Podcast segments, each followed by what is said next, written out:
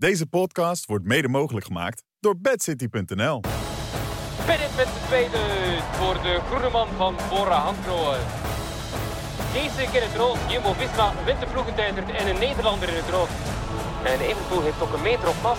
Evenpoel is solo. De klassementsrenner uit Schepdaal heeft vandaag de puntjes op de i gezet na een eh, wonderlijke eerste week. Evenepoel is leider en hoe. Dit is Kop over Kop met Sander Valentijn, Jan Hermsen, Jeroen van Bellegem en Bobby Traxel. Zie, welkom terug bij een nieuwe aflevering van Kop over Kop. Mijn naam is Sander Valentijn en we zijn er met Jeroen van Bellegem, Jan Hermsen en Koen de Kort. En zo zit je de ene week nog lekker bij eh Karsten Kroon thuis. En zo is het alweer tijd voor... De Vuelta de España. We zijn er helemaal klaar voor hier bij Kop over Kop. Dit is de Vuelta Preview Show. We gaan ervan genieten. Jeroen is van Italië, Jan is van Frankrijk. Dus Koen de Kort, dan ben jij... Jij, jij bent de man van Spanje. Dat kan niet anders. Ja, ja, ja, nou ja, dat klopt denk ik ook wel. Eh spreek de taal, ben er heel veel geweest. Ook deze koers vaak gereden. Leuk. Ah, leuk, ja. En eh, je woont er ook, hè? Ja, nou ja, in Andorra. In Maar, Andorra. eh, dat ja, mag dan niet, hè? Ik mag dan niet Spanje zeggen. eh, nee, nee, nee, nee, nee. Nee, dat mag niet. Maar wel gewoond toch? Toch? Je hebt er wel gewoond. Ja, zeker. Tenminste, ja, dat, dat heet dan weer officieel eh, Catalonië, ja. Ja, dus Ja. Dat, eh, dat vinden ze dan ook weer niet te- tot Spanje toebehoren. Maar goed, eh, ja, in principe wel in Spanje gewoond. Ja. Het is eh, heel ingewikkeld zo. Maar eh, de Vuelta komt zowel in Barcelona, Catalonië als in eh Baskeland als in Andorra, toch dit jaar? Ja, ja, en dan eh, ook nog in Madrid natuurlijk. Dus op zich wat dat betreft wel heel eh, speciaal. Dat eh, hebben ze heel lang niet kunnen doen. Ja. En Jeroen van Bellegem, we hoorden net een nieuwtje over Andorra die wij nog niet wisten. Wij dachten dat is belastingparadijs. Nee, nee. Wat is Eh, er is eh, in tegenstelling tot in eh, heel Vlaanderen gewoon snel internet. Ja. Internet te koer is bij ons een gegeven van de afgelopen jaren. Maar eh, snel internet, oeh, dat gaat voor 2060 worden. Dus eh, ik, ik ga naar Andorra verhuizen vanaf Ja. morgen. ja, dat klinkt voor jou ideaal. Snel internet, weinig belasting. eh, laat is het alleen, maar, is alleen maar goed teken, Jeroen. Dat betekent dat je officieel volgens de Europese Unie niet als buitengebied gezien wordt. Dus ik zou het als positief zien. Dat? Dat we, dat we traag internet Dat je hebben. traag internet hebt. Oh, dat is eigenlijk een soort welvaartsdingetje. Ah, oké. Op die manier. Ja, Noord-Frankrijk, goed internet. Zuid-Frankrijk, goed internet. Zuid-Spanje, perfect glasvezel. België, niet wat minder. Nederland ook wat minder. Hè? Dus ja, Hmm. het is maar waar je prioriteiten ligt. Eh, weinig belasting betalen. Dat, dat is een hoge Dat is prioriteit bij eh, ten huize Valentijn. Ja, prioriteit nummer één. Of hogere hypotheekrenteaftrek tegenwoordig. Maar maakt me niet zo uit. Ehm, de Vuelta. Ik zei het al, Koen, het is eh, jouw ronde, laten we hem zo maar even dopen. Is het misschien ook wel qua deelnemersveld de mooiste ronde van het jaar op papier? Oh, ja, de, de Tour was natuurlijk ook al wel heel erg mooi hoor, qua deelnemersveld. En de Giro eigenlijk ook wel. Maar ik moet wel zeggen, ik kijk echt uit hoor, naar deze Belta. Qua deelnemersveld staat het er echt eh, heel mooi voor. En ja, even kijken hoe dat ze er allemaal voor staan. Maar volgens mij hebben ze er heel veel van die kopmannen er toch wel echt op staan. Dus Mm. Ja. We, gaan, we gaan het zo zeker over de deelnemers hebben en alle sterren die er te zien zijn. Een man die hier altijd een uitgesproken mening over heeft, Jan Hermsen. Jij zegt, Over nou, deelnemersveld. Nee, niet over deelnemersveld, Oh. maar toch over de Vuelta. Van, ja, het is wel leuk, al die grote namen, maar uiteindelijk is het de ronde van de tweede kans. Dat, dat is het. dat- is door de, de plek op de kalender is dat wel een beetje zo gekomen. En ook door, ja, ik bedoel, het is niet de grootste wielerwedstrijd ter wereld. Maar het is wel een mooie grote ronde. En ehm, ja, dat, dat, doordat hij na de Tour is en dat renners in de Tour uitgeschakeld ra- raken. En dat iedereen dan zegt, oh, dan kan hij mooi in de Vuelta rijden. Ja, dat is nog wel ingewikkeld. Ik bedoel, Mas is gevallen in de Tour, heeft daarna geen wedstrijd meer gereden. Ja, gaat hij nu de Vuelta winnen? Dat lijkt me eigenlijk een, een vrij onmogelijk iets. Maar goed, daar hebben we het later nog over. Maar dat is natuurlijk wel een beetje wat er omheen hangt. Maar goed, het deelnemersveld is wel prachtig. Dat moet ik zeggen. Het zijn prachtige namen. Want je, volgens mij ga je het lijstje straks opnoemen. Ja, het is wel genieten. Voor de kijker, eh, Jeroen, en voor de beleving maakt het niet zoveel uit, toch? Een tweede kans. Ja, maar eigenlijk tweede kans, daar zeg je niets verkeerd mee. Omdat ja, zij die de Giro hebben gereden, die doen nu de Vuelta. Dus dat is letterlijk een tweede kans. Maar jij bedoelt het denk ik meer als een herkansing. Hè? Dus Mhm, het zijn toch twee mhm. verschillende dingen. Want ja, oké, ze krijgen nu een tweede kans. Roglic krijgt een tweede kans om een grote ronde te winnen. Eh, maar een herkansing, god, dat is soms zo. Maar nu kun je dat toch echt moeilijk zeggen. Omdat heel veel kandidaten echt specifiek hebben toegewerkt naar deze Vuelta. Dus een Roglic, een Thomas, een Evenepoel, een Ayuso. Die hebben dit niet nu eh, op hun planning staan. Omdat ze ja, niet goed hebben gepresteerd in de vorige grote ronde, de Tour. Nee, dit is echt voor hen een doel. Dat is toch wel anders dan wat we vaker hebben gezien, dat renners die de Tour hebben gereden het niet zo goed hebben gedaan en dan maar de Vuelta erbij pakken. Dat is nu toch wel helemaal anders, want Vingegaard die hoeft niet eens de Vuelta te rijden, die wil het heel graag. Eh, omdat hij al de Tour heeft gewonnen, ja, is zijn seizoen eigenlijk al geslaagd. Dus je, hebt toch een andere interpretatie van die tweede kans in echte renners die er vol voor gaan. En dat belooft hè, voor eh, deze Vuelta. Ik zou het niet op uh, het tweede plateau plaatsen, nee. Zo, nou, beter hadden we het niet kunnen introduceren. Jeroen, dankjewel. Dus uh, dat gaan we het vandaag over hebben. De Vuelta, een prachtige grote ronde. Gewoon een heerlijk toetje op een heerlijke, eigenlijk heerlijk grote ronde jaar al dit jaar. We gaan het uh, doornemen. 21 etappes, traditioneel 21 vragen in 21 minuten. Razendsnel nemen wij dus het parcours door. We gaan het hebben over die deelnemers en die favorieten. En we doen wat uh, voorspellingen aan het einde. De Vuelta, elke dag lekker live op Eurosport 1 en op Discovery Plus. Elke dag zo'n beetje rond half drie te zien met uh, Jeroen en Karsten. De openingsrit is zaterdag, een uh, ploegentijdrit. Vanaf half zeven ongeveer, toch Jeroen? Klopt. Altijd leuk zo'n avond uh, ploegen. Zeker. Ja. Kun je overdag nog heel veel doen ook. En dan s'avonds lekker in Utrecht, hè? Oh nee, dat was vorig jaar, Jan. Dat was geweldig, toch? Een paar biertjes erbij. Dat was mooi, ja. ja.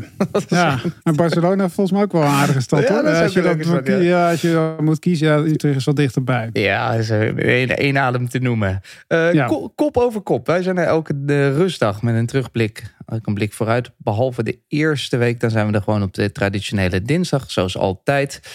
Als je nou niks wil missen, abonneer je dan op deze podcast. Dan ben je er eh, gewoon altijd bij, hoor. En we hebben nog wel wat wielrennen voordat de Vuelta begint. Woensdag de 23e tot en met zondag de 27e kan je nog genieten van de Renewi Tour. Elke dag, zo rond eh, drie uur. Eh, ook woensdag tot en met zondag is de Tour of Scandinavia voor de vrouwen. Ook zo de meeste dagen vanaf vier uur met onze goede vriend Andries en eh, vriendin van de show Jip. En za- Annemiek van Vleuten. En Anne. Oh, laten we dat ook niet vergeten. Maar die geeft geen commentaar, denk ik. Nee, maar het is toch, dat zijn de twee laatste wedstrijden die ze Ja. De Simak eh, en eh, de Battle of the North heet het dan. eh, Ja. Helemaal speciaal. Battle of the North. Klinkt geweldig. Dat wil je niet missen. En dan dus op zaterdag eh, begint de Vuelta. En daar gaan we het vandaag over hebben.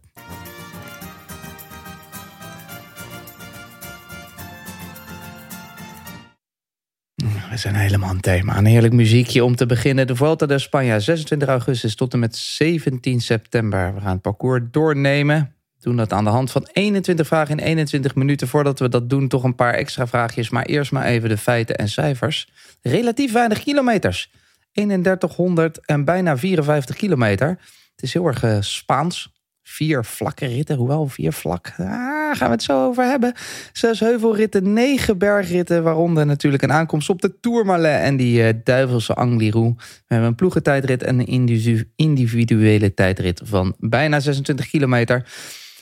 Dit is wel mooi. Slechts twee ritten boven de 200 kilometer. En maar liefst acht ritten onder de 160 kilometer. Dat is, eh, klinkt kort. We starten in Barcelona, finishen in Madrid. We gaan door het Baskeland. We gaan overal heen. Meteen maar even, Jeroen, ik zeg het. Het is wel lekker. Een lekkere soort korte, grote ronde. Eh, korte grote ronde. God, het is ook 21 dagen, Sander. Zoals Ja, de andere ja, twee grote ja. rondes. Dus dat is hetzelfde qua aantal dagen. Maar de etappes zijn inderdaad eh, relatief eh, kort. Hoewel ook pittiger als je puur op eh, basis van eh, de profielen kijkt dan eh, sommige andere etappes en grote rondes. Maar ik, ik hou er wel van. Ieder jaar opnieuw eh, zeggen we het tegen elkaar, eh, eh, Kars en ikzelf. Zo'n grote ronde, die uitzendingen die beginnen rond 2, 3 uur. Dus eigenlijk zo'n beetje een rewind, Jan, naar eh, vijf jaar terug. Hè. Toen je nog om 2 uur 30 begon in etappes van grote rondes. Zou En dat lekker is, zijn. Hè? Ja, dat is wel zo nu in de Ja. En ik moet zeggen, ik geniet daar ook, ook wel van op een andere manier dan. Dat je, ja, ja je, hebt, je, bent- je bent niet uitgeblust. Ja. Je, je blijft gewoon drie weken fris. En voor, Wat de, ook goed is. en voor de kijker goed behapbaar. Maar kort ook wel vanwege korte etappes. eh. Ja. En dat is natuurlijk, Jan, op zich ook wel lekker. Misschien weer wat meer spektakel wat dat betreft. Ja, want dat, dat, dat had de Tour eigenlijk dit jaar ook. Hè. Al, echt wel hele korte ritten inderdaad. En dat, dat, dat is, ja, bedoel... Die 200 plus ritten, kennelijk moeten ze in Italië nog gereden worden. Maar eh, het is natuurlijk en slaapverwekkend vaak. En, en, en het is En het is niet nodig, denk ik. Dus ik hoop dat uh, ja, het is dezelfde organisator, hè, de, de Ronde van Spanje en de, en de Tour. Dus je ziet daarin wel dat ze een beetje met elkaar samenwerken. En uh, heerlijk toch? Ja, 160 kilometer is toch ook gewoon prima einde van het seizoen. Een beetje erin knallen ook en zo. Bonusprintjes hebben ze elke dag. Dus uh, ja, voor mij uh, kunnen ritten van 200 kilometer lekker op één dag afgewerkt worden. En dan vraag ik mij wel af, is dit een trend, Koen? Gaan we dit, want Jan noemt het al, in de Tour zien we het meer, in de Vuelta zien we het natuurlijk. Alleen de Giro blijft achter. Is dit waar we heen gaan? Kortere etappes in de grote rondes? Ja, nou, ik denk het eigenlijk wel. Dat, dat betreft wat uh, Jan zei, denk ik ook wel. Uh, het is misschien een beetje een testcase voor de Tour de France organisatie. Dus is eigenlijk ook de Vuelta organiseert. Om nu even te kijken hoe dat, dat dan gaat. Allemaal van dat soort kortere ritten. We moeten natuurlijk ook wel, we gaan er straks zeker over het parcours nog over hebben. Maar sommige van die korte ritten zijn ook wel echt hele, hele lastige korte ritten. Dus qua um, uren koers, dan is het misschien nog niet eens zo heel kort. Maar ik denk wel dat dat uh, meer spektakel brengt en vooral um, ja, minder saai. Al is het maar voor de commentatoren. Mm -hmm. En is het ook uh, is eigenlijk iets, iets voor de toekomst? Ja, is dat goed voor de kijkers? Want het is natuurlijk die eindeloze etappes van nou, 11, 12 tot laat. Misschien wel fijner zo. Ja, nou ja, als je mij drie jaar geleden had gevraagd, dan had ik gezegd, nou ja, het is sowieso beter. dan gaan de aanvallen beginnen van verder, want de wedstrijd is minder lang. Maar ja, als we dan kijken naar een wedstrijd als de WK, dat toch 270 kilometer was, waarvan hm. ze toch uh, ontzettend ver van de finish begonnen aan die finale, dan kan dat blijkbaar wel. Maar toch zien we dat vaker wel met de, klassieker, uh, de eendagskoersen, et cetera, dat er van ver wordt aangevallen. Dus met een etappekoers denk ik dat het wel echt wel wat, wat interessanter gaat worden qua koersverloop. Smacht jij, Jeroen van Bellegem, dat RCS ook meekijkt, de organisator van de Giro? Um, we moeten natuurlijk ook wel ervoor zorgen dat de identiteit van verschillende koersen bewaard wordt. Mooi, mooi. Uh, dat wel. Uh, bedoel, de Giro is nu echt een koers met lange etappes en met ritten met meer dan 5000 hoogtemeters daarin. Dat zie je niet in de Tour of de Vuelta. Of toch veel minder. Maar het gevaar is natuurlijk dat, dat het uh, koersgedrag daarom ook zoals dit jaar nog gaat verergeren. Om het maar zo uit te drukken. Dat er nog minder gaat gebeuren in bergetappes. Dus ja, het, is, is een moeilijke tweestrijd, denk ik, binnen die organisatie, omdat ze hun identiteit willen bewaren, maar tegelijkertijd ook ja, entertainment willen creëren. En ja, dat is, dat is heel moeilijk als je toch nog altijd naar die oude waarden wil, eh, wil grijpen, van lange ritten en veel hoogtemeters. Want die Giro, laten we eerlijk zijn, dit jaar, die was toch minder interessant, veel minder interessant dan de Tour. En uh, misschien ook wel dan de Vuelta, dat moeten we straks zeggen. Daar kunnen we pas in onze grote awardshow over oordelen uiteindelijk. Uh, ik zei net, vier vlakke ritten, misschien nog wel minder. Ja, als jij, Koen, kijkt, hoeveel uh, massasprints verwacht je hier überhaupt? Ja, wat, wat, is, uh, wat is een massasprint natuurlijk? Uh, ja, hier kunnen we misschien wel zeggen met meer dan 30 man of zo. Dat het al, ja, precies. Ja. precies ja, want er zijn er echt wel een aantal ritten ook al. bijvoorbeeld die rit naar Barcelona al, die, de eerste echte rit in lijn. Waar ze toch ook weer over die Montjuïc rijden. En dan, ja, dan zal het best nog wel een sprint op het einde zijn, maar niet met het volle peloton. En uh, ik denk dat we dat nog wel een aantal keer meer zullen zien. En, ja, als, uh, als ik moet gokken, dan uh, denk ik dat er een vijf, misschien zes sprints zullen krijgen. Hm. Ik denk vier zeker, zeven misschien. En uh, dan zal het er iets tussen zijn. Dus het, ik denk vijf of zes. Hm. En Jan, je hebt natuurlijk ook naar al die profieletjes gekeken, doorgescrolld. Zes heuvelritten, negen bergritten. Vind jij het nog een evenwichtig parcours? Ja, zeker wel. Oh. Ik bedoel, sprint is geen. Uh, dat is natuurlijk al jaren niet echt het, uh, het lekkerste woord in, in, grote rondes. Dus ik bedoel, de Giro is daar ook niet echt een. Uh, geen uitzondering meer in. En de Vuelta ook niet. Ja, je weet dat je daar sprinter gewoon weinig te zoeken hebt. Dus moet je het in andere rondes zoeken. Dat is, dat is op zich prima. De sprinters vinden dat ook volgens mij. Ja, of ze het erg vinden, ik weet het eigenlijk niet. Maar bedoel, um, ja, ik vind het wel even. Het, is wel gewoon een hele, ja, een evenwichtig zware ronde, inderdaad. En um, het is wel wat, ja. Eh, eh, ik vind het laatste, de laatste week in de Vuelta vind ik altijd. Dat, daar heb ik wel soms mijn gedachten over, inderdaad. Of je die, die niet op een andere manier kan inkleden, omdat je altijd rond Madrid moet uh, eindigen op de een of andere manier. Maar verder zou dat wel, um, ja, verder vind ik hem wel evenwichtig. Maar ik vind vooral de zaterdagrit, daar zou ik dan Vroeger gingen ze nog wel eens naar de Bola del Mundo. Hadden ze echt, wel, echt, een, uh, echt een spektakelstuk op zaterdag. En dat, dat mis ik wel een beetje eigenlijk ook. Dat is het enige evenwicht wat ik mis. Hm. Maar dat was in de Tour ook niet zaterdag. En dat was op de, in, de, in de Giro. Ja, de Giro was het wel met die klimtijdrit natuurlijk. Dat zeker. Ja, ja. Oh, misschien wel een doldwaze rit op zaterdag. Maar daar gaan we het eh, Kan ook nog. zo meteen over hebben. Want we gaan ze nu allemaal doornemen. 21 etappes in 21 vragen. We doen het snel, een minuutje per vraag. Soms misschien iets minder, soms misschien iets meer. Ik heb in ieder geval... eh, en we gaan meetellen, dus eh, Jeroen van Bellen. We gaan gewoon beginnen. Vraag nummer 1 over etappe nummer 1 in Barcelona. Een tijdrit van 14,8 kilometer. Vorig jaar was hij dus nog in Utrecht, zoals ik net al aanhaalde. Lijkt deze daar een beetje op, Jeroen? Eh, wel qua hoogtemeters ook eh, vrij vlak. Gelijkaardig dus. Het is korter. Het eerste deel is misschien nog iets bochtiger dit keer. Maar het valt eigenlijk heel goed mee wat de, de bochten betreft. Het tweede deel bijna geen enkele zelfs. Eh, dus het zal een eh, hoge gemiddelde snelheid zijn bij de winnaar. Veel 90 graden bochten, dat wel, door dat typische stratenpatroon in Barcelona. Maar het wordt een eh, hoge snelheidstrein aan de aankomst. En dat wordt eh, ja, Jumbo-Visma natuurlijk. Hè. Ja. Dat zie je van ver aankomen. Dat zie je al. Dus die gele trein die zie je van ver aankomen. Ja. Zeker in Utrecht, maar eh, dus ook in Barcelona. Wel lekker. Ik vind het altijd leuk, Jeroen. Zo'n eh ploegentijdrit om mee te beginnen. Ja, ja, ja, ja. ja. Oh. Matig enthousiasme. Oké, Ja. snel verder naar eh, de eerste echte etappe. Naar Barcelona. Een finish naar de klim van de Montjuïc. Zeg je dat zo? Dat mag je zo zeggen. Bekend uit onder andere de Ronde van Catalonië. Eh, dit jaar nog. Dus gaan we nu al meteen ook hier uh, Roglic tegen Evenepoel zien. Ja, daar gaan ze er wel. Volgens mij gaan ze er dan 150 keer tegenop, hè, richting eh, dat klimmetje. Dan, dus, dan gaat hij wel wat meer pijn. Het is ook weer niet, eh, weet je, het is ook weer niet de zwaarste eh, klim waar ze tegenop gaan rijden. Maar ze kunnen daar wel koers gaan maken. En, en wat ook interessant is, ligt, er liggen toch seconden boven. Ik denk dat het er 10 zijn, Jeroen, die bij die bonus sprint. Ik weet niet hoe ze dat in zes seconden. Zes seconden dus maximaal te verdienen. Ja, het wordt zeker in de eerste dagen ook wel een secondenspel.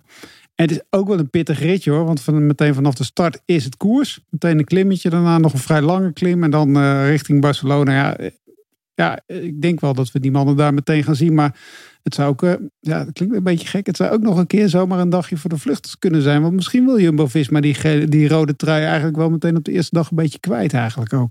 Als ze hem hebben natuurlijk. Ligt eraan wie je mag krijgen. Als het niet op die dag kan, dan kan het wel op dag drie.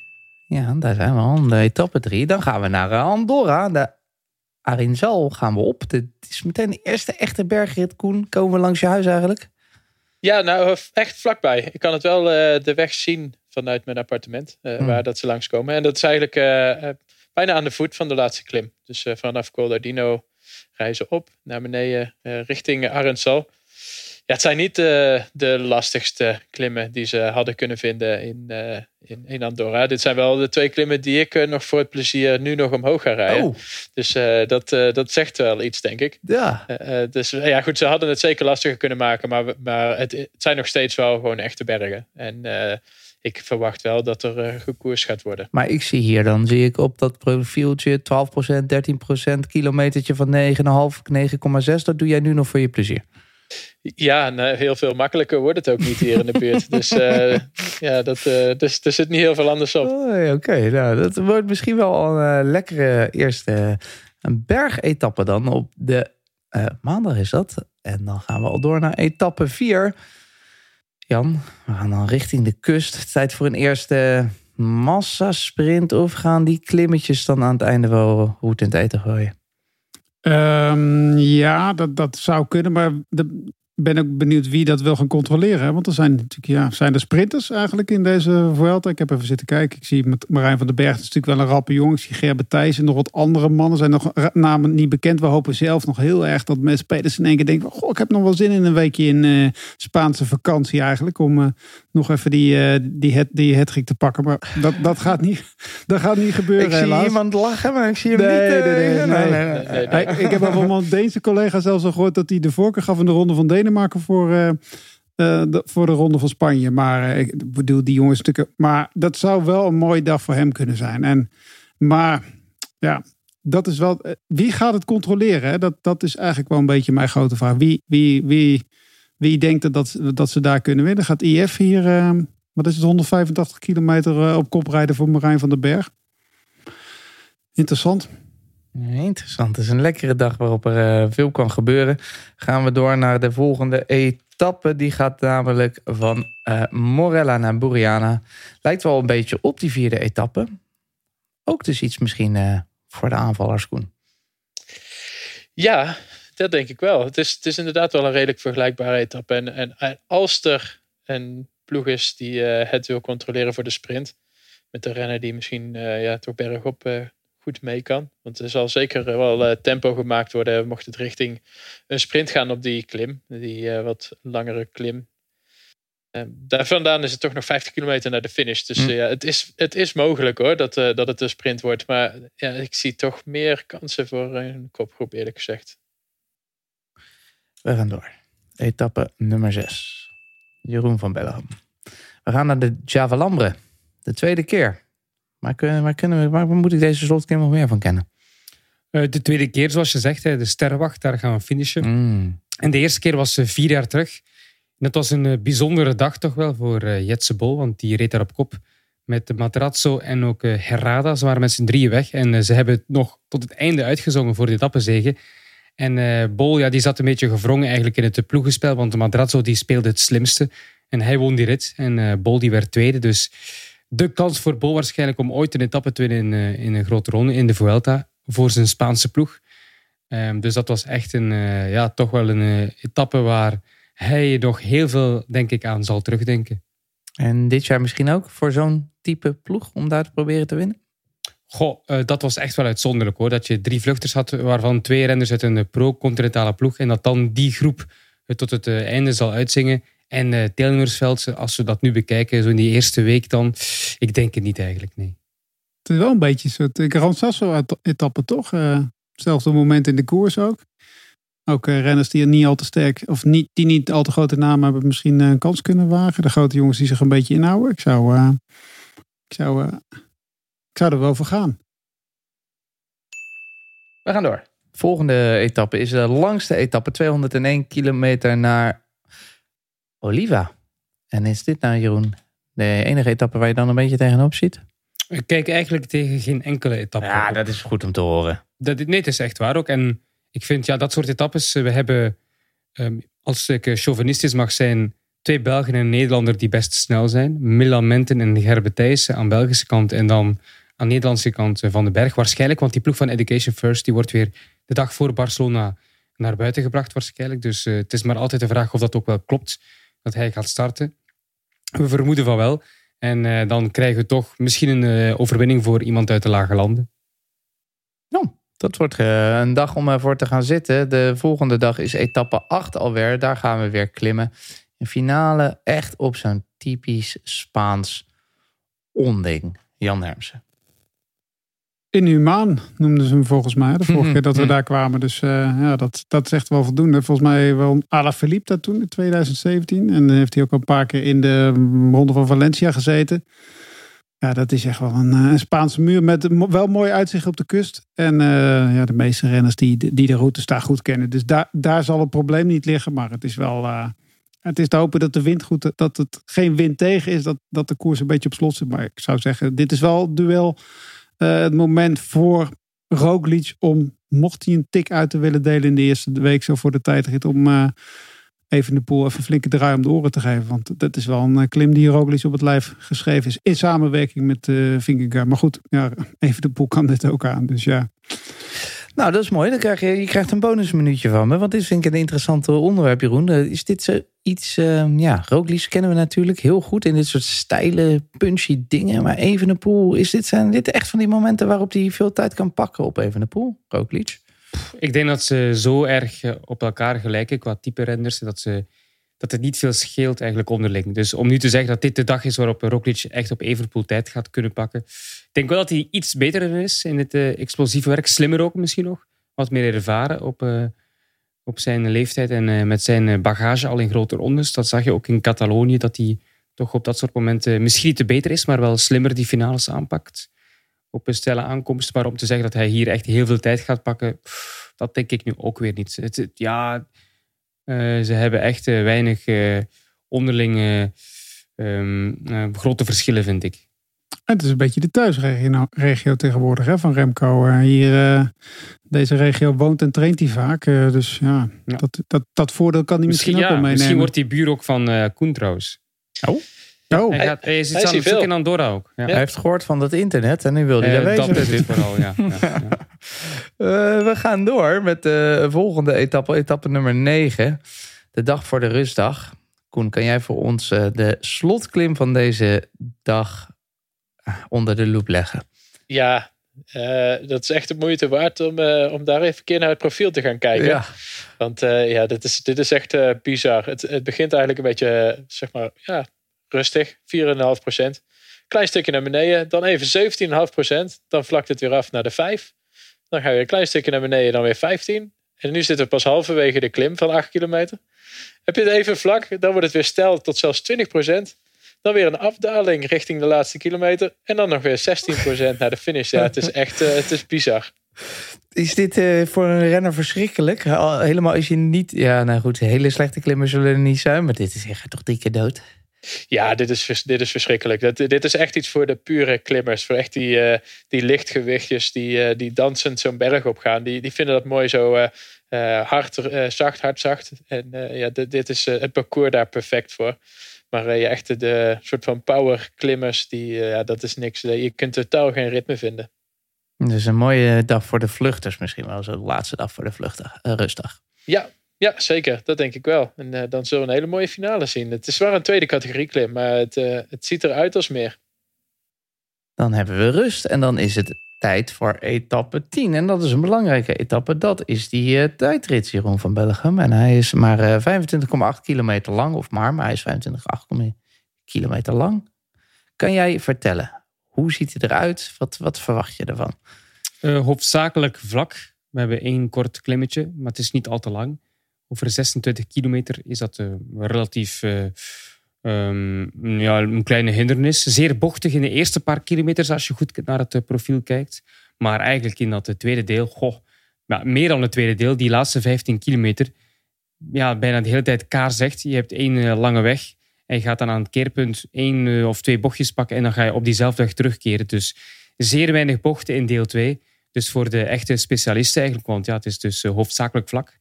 Dus hier is het tijd om ja, die motor aan te zwengelen, meneer Evenepoel. Om uh, de klimmers, de meer toch klimmende klassementzenders, om die wat uh, tijd aan te smeren. Maar goed, ja, die concurrentie die kan allemaal eigenlijk tijdrijden. tijdrijden. Als je Ayuso zag dit jaar, als je weet hoe Roglic het is, uh, sterk is in tijdritten. Als je ja. Thomas op zijn, zijn beste dagen, die kan ook gewoon een tijdrit winnen.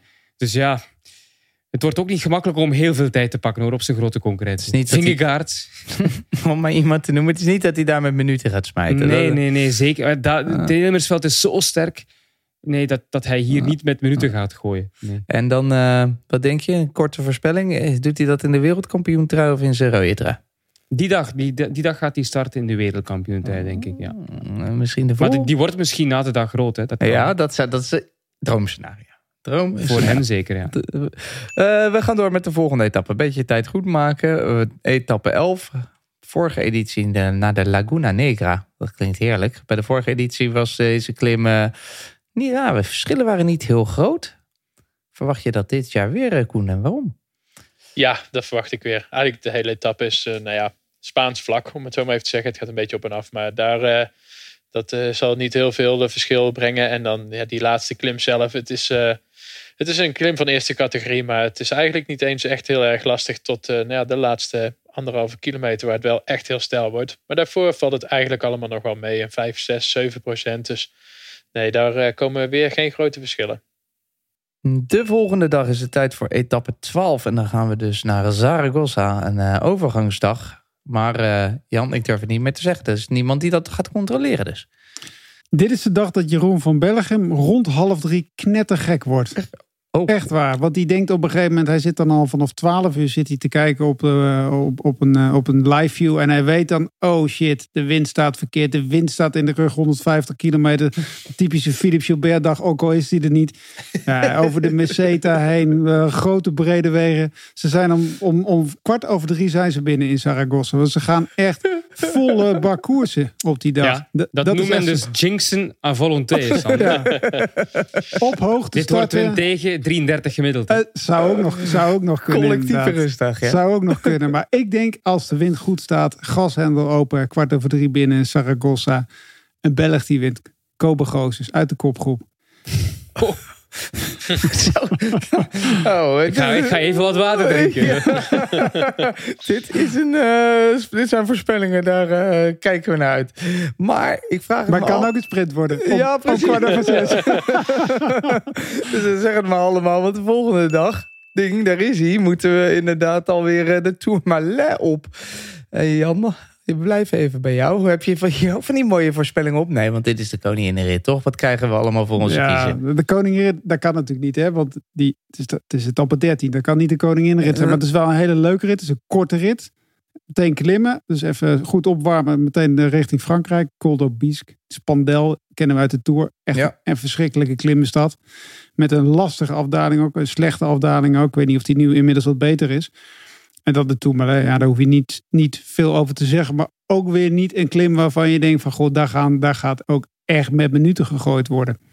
Dat, Nee. denk, ik, dat denk ik ook weer niet. Ze doen Nee. hem wel van de andere kant dan in de Tour eh, mannen en vrouwen? Ja, dan is hij wel Ja. wat meer open vanaf die Ja. kant ook. Ja, Ah, Ja. Laatste stuk altijd wel heel mooi, ook om omhoog te rijden. Dus, prachtig. Ja, ja. En eh, dat is ook wel weer, dus een, eh, ligt eraan hoe de wind staat, ook wel een klim waar, waar de, de kopgroep lang bij elkaar kan blijven. En dan ja, is het toch een sprintje.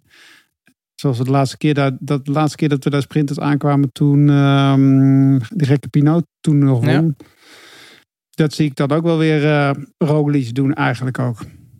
Ik geef een bonusminuutje Koen en Jeroen. Koen, we beginnen bij jou. Wel of geen koninginrit dit? Vind je dat eh, Jan dat mag zeggen? Dertiende rit kan niet?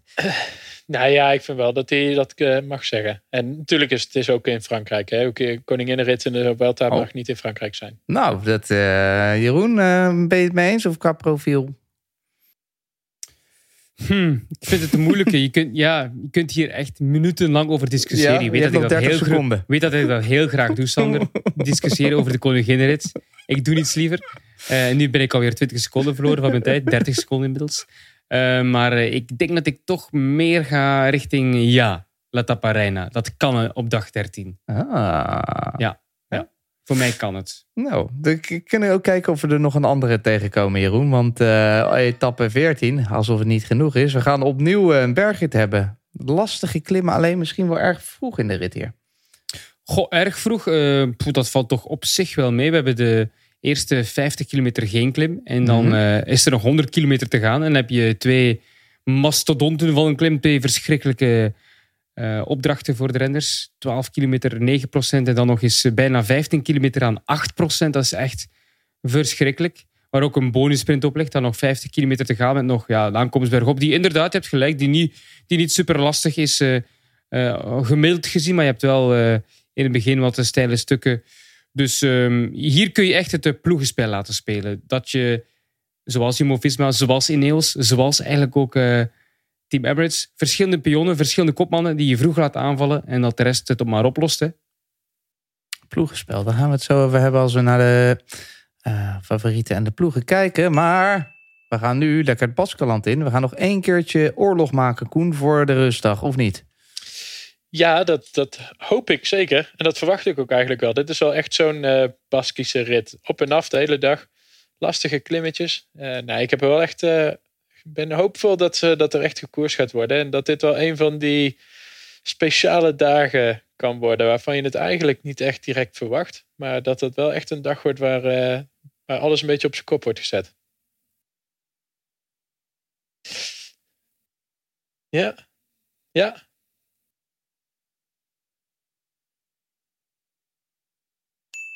Daar is hij. Jan, een vlakke aanloop en dan een muur. Wat voor een dag is dit voor eh, Jeroen van Bellegem dan? Ja, dit, is, dit is dan weer die vlakke aanloop. Hè? Oh, ja. Even naar het profiel gekeken. Eh, Ja, de- ja er, is wel, er zal vast wel een vlak gedeelte zijn. Maar eh, het is toch voornamelijk de hele dag heel onrustig. Ik, ik weet niet zo goed of het daar heel open is. Dat, dat is en hoe, hoe de wegen zijn daar. Maar het is een lange aanloop naar een lastige klim. Dat is het eigenlijk ook. Hm. En ehm, ja. Eh, wat ook nog wel interessant. Ja, ik vind die, die bonussprint, maar daar gaan we het straks ook nog over hebben. Ik vind die bonussprint echt wel dat kan wel. eh, nou, ik zeg niet dat die bepalend kan, gaat worden, maar dat, dat vind ik wel heel interessant dat ze die bijna elke dag erin doen. En eh, ik ben benieuwd hoe, hoe gretig die jongens allemaal zijn om het in het begin eh, daar al eh, voor te gaan. Bijvoorbeeld hoe Ja. gretig Ayuso is bijvoorbeeld. Ze hebben iedere dag een bonussprint. Hè? Iedere, Iedere dag, dag, is hè? er- ja, Ja. maar tien keer bij een eh, klim en negen keer bij een eh, vlakke doortocht. Ja. En de Tour hebben ze maar, eh, hadden ze dit jaar maar vijf keer of zo. Dan is, dan is hij wel wat selectiever ook. Maar eh, Mhm. ja, ik vind het wel leuk. Ik bedoel, bo- ja, als het close is en het kan close worden. Dan weten we natuurlijk wel dat Roglic wel iemand is die dat, die dat dagelijks goed aan kan. Ja. Dagelijks secondjes sprokkelen, Jeroen, om dan eh, in etappe 17. Is dat dan de koninginrit naar de Angliru? Eh, die wedijvert met eh, etappe 13. Hè? Eh, maar ja, als je dan inderdaad eentje moet kiezen, dan is het een van die twee. En eh Angliru heeft het voordeel van de naam en ook eh, van het feit dat het in de derde week is. De aanloop is wel iets minder lastig dan op dag eh 13, maar ja, dit is ook weer een verschrikking. Ik denk dat we niet al te veel moeten uitweiden over de Angliru. Ik denk dat iedereen wel weet wat voor beestachtige klim dat is. Dus dat wordt op het kleinste verzet de renners naar boven zien strompelen en achteraf weer horen dat het te zwaar was, dat het niet kan in een eh, profkoers. Dat, dat horen we toch ieder jaar, hè? Hey Koen? Ja, ja zeker. Nou, dit, dit is wel echt. eh, voor, dit is voor mij wel de koninginrit. Hmm. Ook omdat je er zelf niet voor je plezier mee op zou rijden. Zeker niet. Nee. Nee. dat is echt geen leuke klim om op te rijden. Denk je dat Wout Poels hier voor zijn plezier eh, omhoog gaat rijden? Die dag? Ja, die heeft denk ik wel een redelijk goede herinnering aan die, Ah. eh, aan die klim. Een twee keer twee, dit zou, eh, het zou kunnen misschien wel. eh, wie weet, wie weet. Ja? Eh, dan hebben we etappe nummer 18. Die gaat naar Cruz de Linares, de dag na de Angliru. Dus dan heb je heel veel lood in de benen, Koen. Maar ja, het is ook de laatste bergetappe. Sort of. Wow, dus, wow, wow. Sort of. Sort of. dus wat gaat hier dan gebeuren? Nou ja, geen eh, hersteldag in ieder Nee, geval voor de klassementsrenners. Nee, zeker niet. Nee, dit is, eh, dit is weer echt wel een lastige rit hoor. Het zijn klimmetjes van tweede, eerste, derde categorie. Maar vooral ook eh, die laatste klim die ze twee keer doen. Puerto de la Cruz de Linares. Ja, dat is een rot ding. Het is echt eh stijl. Het is Constant eigenlijk boven de 10%. En dan het laatste stukje vlakt al af. Maar het is toch eh, ja, zes kilometer lang. Echt een ontzettend lastige klim. Dat, dat daar, eh, ja, daar wordt afgezien.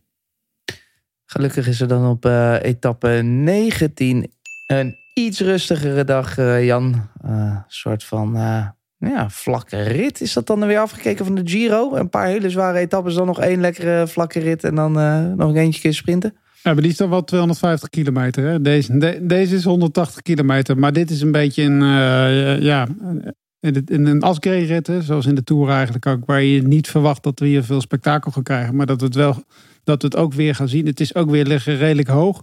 Het is denk ik ook wel redelijk open ook. Dus ja, dit zijn wel van die etappes waar je bij de, voor de mannen in het rood wel bij de pinken moet zijn. Om eh, hier ook geen tijd te verliezen. Want dat kan ook nog een keer op zo'n etappe. Dan denk je wel, oh, dacht je naar Iskar, rustig aan. Ik zou het niet doen.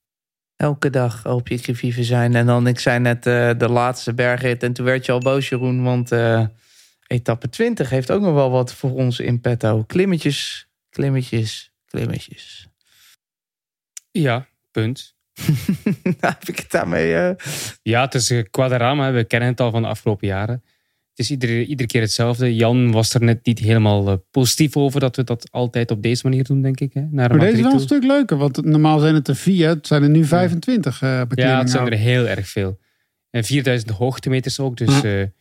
ja, als je daar inderdaad nog kleine verschillen hebt bovenin. Ook renners die... Kijk, je kunt hier ook nog strijd hebben voor het podium, waardoor het ook weer eh, bonken wordt. En, want eh, een, een ploeg kan hier heel veel verschil maken. Een goede ploeg, ja. Op zo'n eh, zo'n dag. Dus dit is ook wel zo'n dag voor zo'n poets misschien, Jeroen. Ja, Contador eh, dag, hè. Mm. Zondag. Doet hij mee? Eh, die kan misschien wel nog meedoen. De Op de motor. Op de motor. Ja, komt Nee, maar dit is wel, ja, Ja. Wat Jeroen, dit is echt een dag voor de ploeg ook. Ik bedoel, als je hier een zwakke ploeg hebt, dan, dan, ga, je, dan ga je eraan. Hmm, zijn er zwakke ploegen? Daar gaan we het zo meteen over hebben. Want we hebben nog één etappe.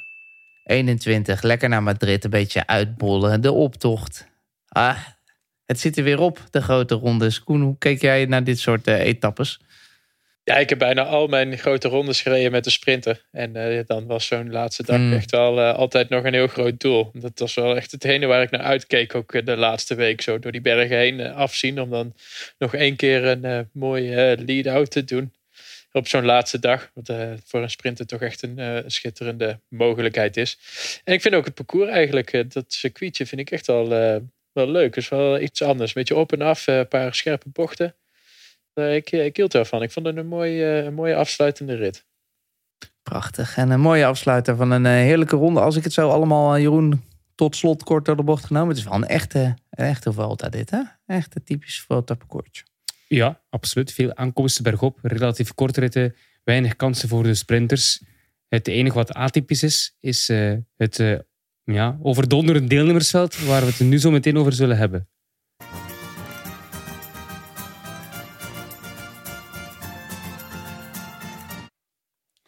Jeroen van Bellegem gaf het al aan. Een deelnemersveld om je vingers bij af te likken. Smullen. Het rijtje kanshebbers is indrukwekkend. Primoz Roglic, Jonas Vingegaard, Remco Evenepoel, Geraint Thomas, Ayuso, Almeida, Mas. In totaal acht eindzegers en 19 podiumplekken in grote ronden gaan hier aan de start verschijnen. Je kan je beter afvragen, Jeroen, eh, wie missen we eigenlijk? Ja, je hebt uh, Pogacar natuurlijk. Hè? Ja.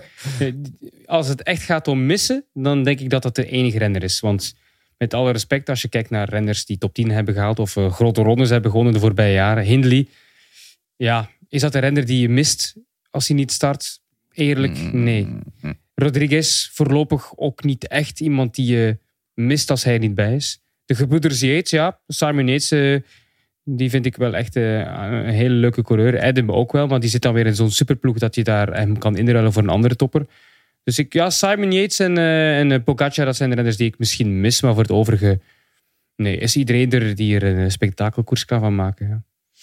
En Jan, je had het er net al even over. Het zijn natuurlijk het niet dus de ronde van de herkansing. Maar misschien ook niet iedereen helemaal in optima vorm. Maar kunnen we vraagtekens zetten bij nee, Zeil Mas. Maar Vinkenkaart heeft natuurlijk ook niet meer zoveel meer gefietst. Het is... Nee, die, die is in Noorwegen, of uh, sorry, die is in Denemarken geweest. En heeft natuurlijk ook veel gehuldigd ook. Oké, okay, die, die, die zal best wel, die zal echt wel goed zijn. En, maar dat, is echt, dat vind ik echt wel een groot vraagteken. En, bewust ook. Hè? Ik bedoel, het was geen verrassing. Hij, in december werd al gezegd dat hij naar de, naar de Vuelta ging. Goed, dat hebben ze goed voor, voor zich weten te houden. En um, Mas, ja, ik heb echt geen idee. Ze hebben wel een sterke ploeg. Ook wel een leuke ploeg bij, uh, bij Movistar. Dus wat dat betreft hoeven ze niet alles op Mas te gooien.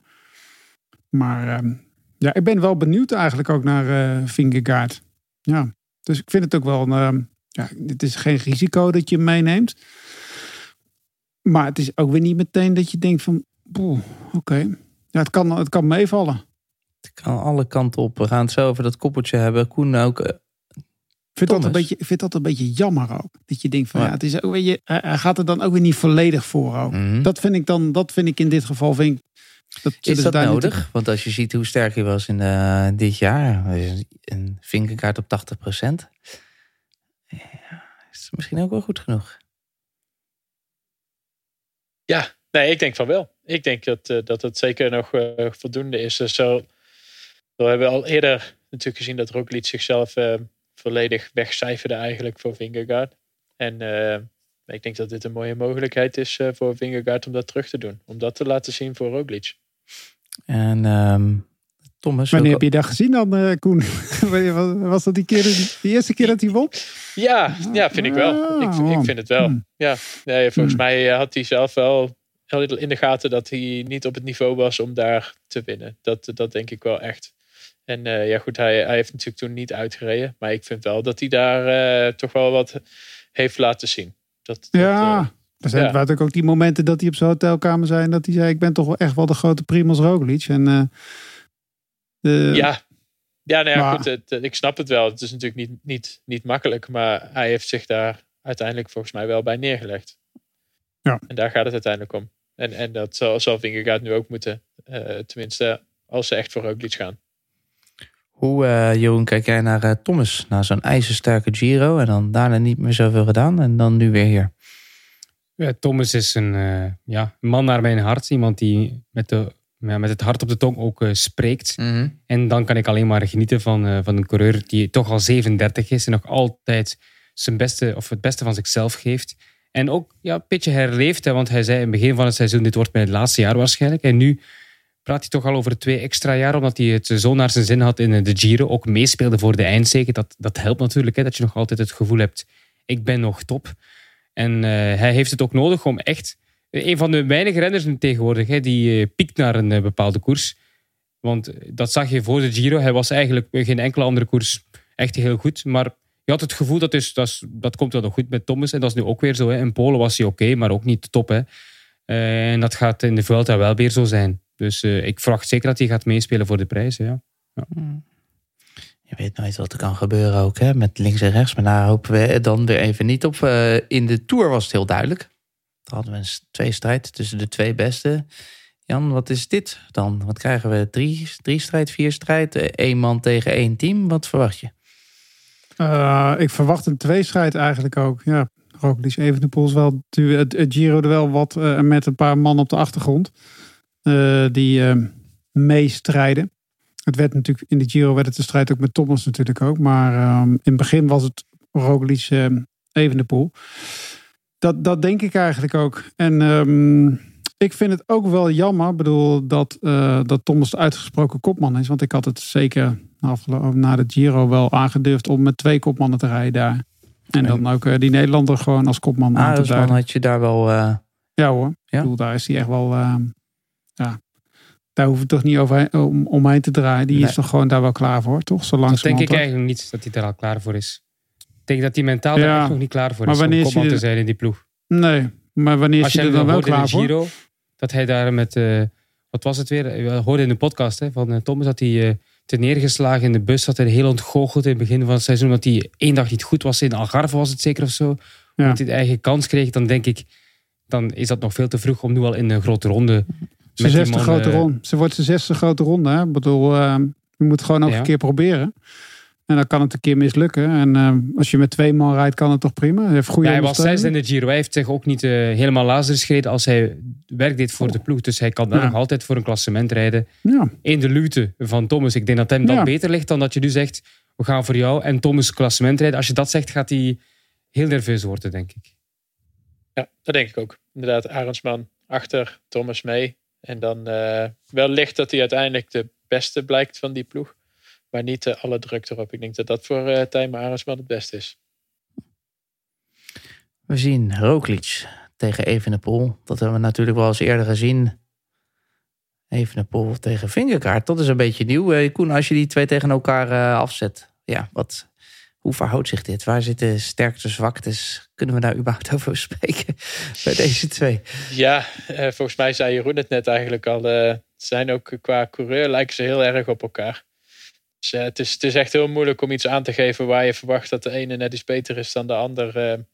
Ook even de pool heel erg gewerkt aan dat explosieve. Dus ja, daar denk ik ook al wel weer ongeveer gelijk met Roglic. Bergop zal het niet veel schelen. Tijdritten, ik denk dat ze elkaar niks ontlopen wat dat betreft. En ja, als het eh, misschien ergens een verschil zou kunnen aanmerken, dan is het misschien aan de ploeg van Jumbo-Visma. Die, eh, die wel echt buitengewoon sterk is. Zowel Ja. Quickstep ook, ook goed hoor. Eh, daar, is zeker niks van te zeggen.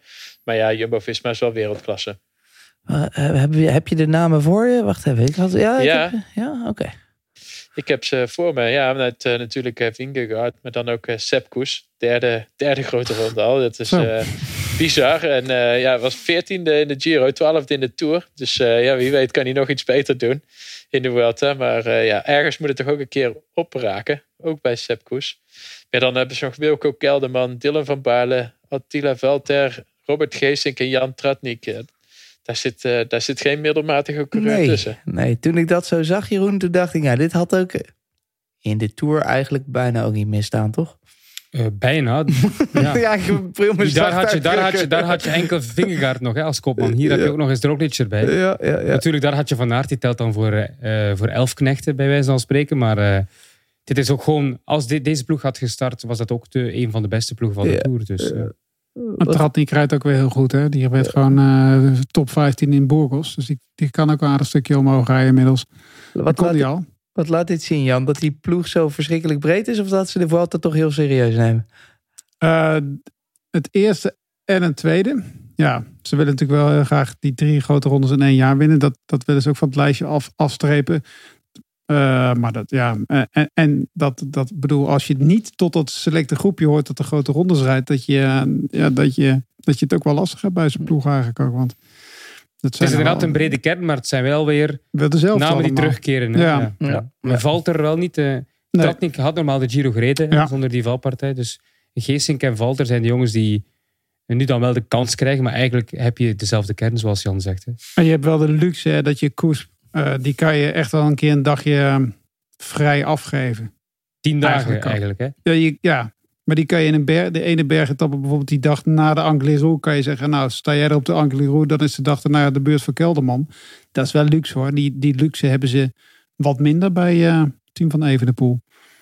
Want als we dat team pakken, Jeroen, eh, laten we dat dan maar meteen even doen. Hoe zet jij dat eh, hier tegenaf? Ja, je kunt het niet vergelijken zelfs. Ik denk zelfs, ja, zonder, zonder daarvoor heel kritisch te worden op de ploeg Soudal Quickstep. Ze zijn in de transitie van een klassieke ploeg naar een grote ronde ploeg. Dan kun je jezelf niet vergelijken met UAE, Jumbo-Visma en Ineos. Als je die drie ploegen bekijkt en je zet dat naast de ploeg van Soudal Quickstep, ja, dat is echt een heel, heel groot verschil als je het mij vraagt. Je hebt de Vervaak en dat zijn de, de, vaste patriotten van Evenepoel. Dan heb je Catania, Bajoli, Hirt en Nox met de Casper Pedersen. Allemaal goede renners, maar je kunt het toch niet gaan vergelijken met Jumbo-Visma, Team Emirates en Ineos. Dat is ja, voor mij een heel groot niveauverschil. Ik heb ook het idee dat als ik naar deze ploeg kijk, dat ze, dat ze ook nog wel op andere manieren proberen te scoren. Ook nog wel.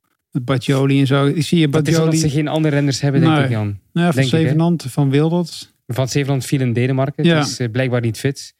Van Wilder die wil nog niet. Die eh, twee grote ronden zegt hij is voor mij nu nog te veel in mijn carrière. Ik ben, ik zou, ik ben nu eigenlijk al bijna op, zegt hij. En Na Hmm. die Giro was het echt heel zwaar om terug in gang te komen. Om dan nog de Vuelta te doen, dat kan ik gewoon niet aan op dit moment in mijn carrière. Oké. Hm. Hij wil graag Alaphilippe, hè, Evenepoel. Maar eh, als, Eh, dat- als meester, ja. maar dat wil die niet. Hè? Of de ploeg wil dat Philippe niet. niet. Oké. Want omdat het hij zijn toch te veel verdient om als meesterknecht uitgespeeld te worden, wordt dan gezegd. Ik zou hem hier toch echt wel meenemen. Ik bedoel, al is het wel voor de sfeer. Ik bedoel, eh, ik denk dat Pedersen echt wel een ritje wil winnen. Bajoli gaat ritjes. Ja, ik, ik, ik vind het nou niet een, een, een ploeg waarvan ik denk van daar, de, alles, voor, daar alles voor de leider ook. Dat is ook nog een soort Het zal plan wel zo zijn, denk ik. Dus Ja, dan gaan nee, we allemaal voor Evenepoel. Maar ze hebben inderdaad, ik, ik snap wat je zegt. Ze hebben niet de karakteristieken van iemand, van renners die een grote ronde rijden in dienst van een kopman. Nee, Hmm. ik zie er drie eigenlijk die, die zich volledig smijten voor, eh, voor Remco. En de anderen die denken van nou, kan af en toe ook wel een eigen momentje verpakken inderdaad. Maar dat is ook niet erg. Toch? Dat kan ook in de eerste week als je gewoon twee, drie ritten wint. Ja, eh, en, ja, en als je drie van die wereldploegen hebt, Ineos, die Emirates en Movisma, die gaan die boel wel controleren hoor. Daarvoor hebben ze Ja. superveel nee, dat renners. is waar. Je kunt je als Evenepoel ook eh, laten meegrijden door die geweldige teams. Ja. Dus het hoeft op zich geen ramp te betekenen hoor, Sander, dat ze geen, geen topteam hebben. Geen topteam in, te, in vergelijking Ja, met die andere ploegen. Hè? Ja. En een mannetje meesturen in de vlucht. Hè? Daar hoef je ook niet meer zoveel te doen. Dat is allemaal... eh, kan, kan allemaal. Je, je noemde ze net al even. En het is een top 10. UAE. Almeida en Ayuso. Jeroen, jij zou Ayuso vorige week in onze All-Star editie... eh, na de Homo Cycling Cyclo... luister die vooral terug als je die nog niet gehoord hebt... nam jij hem al mee naar de Vuelta. Dit is wel een lekker koppeltje ook hoor. Ja, ja, absoluut. Hè. En eh, ze hebben het vorig jaar ook gedaan. Toen was Almeida net wat minder. Eh, als hij die, dat niveau terughaalt van eigenlijk hele seizoenen, als je die zijn seizoen weer bekijkt van Almeida, super constant. Winnen is moeilijk, maar hij is wel heel erg constant. Derde in de Giro, niet te vergeten. Ayuso vorig jaar derde in de Vuelta. Zijn weer allebei wat ouder, wat sterker. Dus een geweldig tandem. En dan heb je nog een eh, Jay Vine erbij, Marc Soler. Fisher Black, jong talent. Dus eh, wat me wel opvalt trouwens binnen die ploeg, het is niet allemaal voor, eh, voor het klassement. Hè. Ze hebben nog de gebroeders Oliveira om Molano te helpen aan eh, sprintoverwinningen. Dat viel me toch wel op. Hm. Dat ze een soort van een tweedelig plan hebben voor deze. Vuelta. Ik denk dat het ook s'avonds heel gezellig aan tafel is bij deze ploeg inderdaad. Het zijn natuurlijk allemaal eigen BV'tjes hè. Daar. Jay Vine, eh, dat, ik weet niet, heb je de, de interviews in de Giro een beetje gehoord? Ja, En Almeida- interviews hoor. Ja, Ja. Almeida, Ayuso. Ayuso is natuurlijk ook wel een karakter. Soler, Ik, Ja, Soler. Ik eh, kijk hier heel erg naar uit. Dit is eigenlijk een soort Movistar als je het zo ja, ziet inderdaad. een beetje Eh, wel, beetje wel. Kunnen we nog snel een cameraatje daarmee eh, sturen? Ik, zou, ik ben benieuwd of Netflix eh, geboekt heeft voor de Vuelta, deze jongens. We kunnen nu, Jan, het even behandelen. Want je hebt het nu al drie keer genoemd. Dus Almeida? laten we- Nee. We- Die boni-secondes. Oh. Heel, heel belangrijk. Eh even een pool tegen Roglic. Het kan belangrijk worden. Hoe zie jij dat eh uit te spelen dan? Ehm, nou, ik ben. Ik, kijk, Roglic is denk ik een hele, hele slimme renner. Die ehm, in het begin van de, van de Vuelta denk ik ehm, een beetje pro- probeert te gaan spelen met Evenepoel. Door die bonusseconden. Dat hij hem heel gretig probeert te maken. Hij- daar is hij heel goed in. En ik denk dat dat een beetje het spel is wat er gespeeld gaat worden. Hij gaat die secondes gaat hij wel gebruiken. Maar hij gaat ze gebruiken op een manier om Evenepoel een beetje onder druk te zetten. Mm. Snap je een beetje wat ik Ja, bedoel? ja. Zonder ze nou echt te pakken, maar ze zijn wel acht, altijd. eh, Ze blijven. eh, de- waar, hij blijft een soort onrust stoken. Ja, oh, ik pak hem niet. Eh, oh, even nu pak ze. Ja, dan pakken ze een dag later. Het is, een, het is denk ik een heel psychologisch spelletje gaan die bonusseconden worden. Het lijkt, ik vind het heel interessant hoe dat zich dat gaat ontwikkelen. En eh, Koen is even een poel iemand die zich zo een beetje op hol kan laten brengen. Nou, Vroeger ik- wel, hè, denk ik. Ja. ja. Eh, dat denk ik ook wel. Maar hij- ik denk ook wel dat hij echt heel veel vertrouwen in zichzelf heeft inmiddels. Ja. En hij moet eh, vooral vertrouwen eh, op zichzelf, op zijn eigen kunnen. En eh, ja, ik ik denk wel dat hij die ervaring inmiddels heeft. Maak jij je er nog eh, zorgen om, Jeroen? Of vind je hem daar wat dat betreft zoveel volwassener geworden? In die- Eh, veel volwassener, ja, Ja. klopt. klopt. Maar eh, je zag toch in Catalonië dat hij op dat vlak Roglic nog altijd als een meerdere moet herkennen. Want ik vond Evenepoel de betere van de twee in Catalonië en toch verloor hij die ronde. Dus dat was puur op ervaring dat hij daar eh, geklopt werd door Roglic. En ik, ja, ik zie wel iets eh, gelijkaardigs gebeuren in de Vuelta. Ik hoop van niet hè, dat het eh is andersom wordt. Maar wie weet. Mm. Koen, jij kan als enige van ons vier weten hoe erg verschrikkelijk het is om al deze bergen op te rijden in, echt in koers. Hoe wordt het überhaupt een secondenspel? Als ik dan al die percentages hoor die je net noemde, dan denk ik, ja, dit kan toch ook minuten worden? Ja, dat, eh, dat kan inderdaad minuten worden. En, en op zich, ja, het, het eh, leek natuurlijk ook in de, in de Tour heel erg spannend. Bleek het uiteindelijk, eh, als je naar de uitslag kijkt, niet te zijn. En eh, Hm. wellicht zien we iets vergelijkbaars. Dat het eigenlijk heel erg lang heel erg close is. En dat er dan toch op een gegeven moment een dag is waarbij één van die mannen een superdag heeft en eh, die andere misschien iets minder. En eh, dat daar dan het verschil gemaakt wordt. En dat het dan ineens toch minuten zijn. Maar dat het uiteindelijk wel een eh, spannende koers zal zijn. Wij hopen gewoon eh, op spanning tot die laatste zaterdag, toch Jeroen? Met de 25 klim. Wie wint? Natuurlijk, ik ben een Belg. Natuurlijk zou het mooi zijn als Evenepoel eh, wint. Maar ik wil vooral inderdaad heel veel spanning hebben. Ja. Als ik moet kiezen tussen... eh, ik, ga nu, ik ga nu alle Belgen tegen me krijgen. Als ik moet kiezen tussen eh, Ayuso die wint na drie weken iedere dag secondenspel... of Evenepoel wint met 10 minuten voorsprong terwijl er twee weken geen strijd is... dan kies ik voor het eerste. Natuurlijk. Ja. Ik zit net te denken, Jeroen. Stel je voor dat Evenepoel dit wint. Roglic de Giro. Vingegaard dan de Tour. Dan hebben we Pogacar die de Ronde van Vlaanderen won. En Mathieu van der Poel de wereldkampioen werd. Nou, dan denk ik dat... eh, ja, er ontbreekt één grote naam. Maar die gaf eh, er eentje weg. Hè? Dus dat is eh, op zich niet zo erg. Er is nog een Europees kampioenschap. Oh, Oké, Laat, die hem, dat- dan- laat die hem dan pakken. Ja, laat dat, dat, dat. We gaan eh, door met een rondje Nederlanders en Belgen. We hebben zijn naam net al even genoemd. Hè? Tijmen Arendsman, Koen. Heeft hij ook, denk je dat hij een vrijere rol krijgt? Om misschien voor etappe-overwinningetjes te gaan? Nou, ik denk dat hij eh, eh, vooral ook gewoon voor het klassement moet gaan. Dat eh, heeft hij laten zien dat hij dat kan. Maar dan wel echt een beetje in de luwte van Garen Thomas. En wie weet zit daar nog een etappe-overwinning bij. Maar hij is wel zo goed dat ze hem niet zomaar gaan laten rijden in een kopgroep. Dus dan moet hij het wel echt van hebben dat de absolute kopmannen een beetje naar elkaar gaan kijken. En dat hij zijn kans pakt om misschien iets vroeger op zo'n klim aan te gaan. En dat ze hem dan even een klein stukje laten rijden. Dat, dat zie ik eventueel nog wel gebeuren. Maar verder moet hij gewoon eh, zijn eigen koers rijden en, eh, en zich een beetje verstoppen. was wel super interessant. Altijd trouwens, de interview of de podcast van uh, Grant Thomas. Die nu ook uh, heel kort over Arendsman iets zei, wat ik toch wel heb opgepikt. Hij ziet er wel heel mager uit. Ik hoop dat hij niet overdrijft. Dat heeft Oh. Thomas zelf gezegd in zijn podcast. die ik deze ochtend heb beluisterd. Dat is één, één zin over Arendsman. Hij is heel, heel erg lean, hè, heel erg mager. En ik hoop dat het niet te is. Dat zei Thomas. Hm. En dat, dat was het enige wat Thomas zei daarover. Hè. Dus ik ga er verder ook niet eh, eh, op ingaan. Maar het is toch wel duidelijk. Als Thomas zoiets zegt, dan eh, moet je toch even luisteren ook, denk ik. Veel ploeggenoten al gehad natuurlijk ook, eh, Thomas. En die heeft het al vaak zien gebeuren. Dus eh, als hij zoiets zegt, dan is het toch wel iets om op te letten. Misschien ook om, om, maar om het dan niet in een podcast te zeggen. Misschien. Ja, ja, ik, vond, ik, vond, ik vond het heel straf dat hij dat zei. Ja. Dus ik Ja. zeg niet, je kunt het terugbeluisteren. Hij zegt het gewoon zelf, Thomas, over zijn Ja, ja. eigen ploegmaat. Dus ja. Hm. Interessant. We hebben over iemand anders die eh, al heel vaak heel scherp staat. Wout Poels in een team met eh Mico Landa. Jan, is het het allemaal om Landa te ondersteunen om eh, zesde te worden? Of eh, is dit eh, eigen kans? Ik, ik las net dat uh, Landa op trainingskamp was in, op Tenerife. Ja, dat is dan ook weer zoiets. Volgens mij heb je daar nooit bosbranden, de Mieke Landa. Ik vind dit een zeer zware beschuldiging, Jan Hermsen.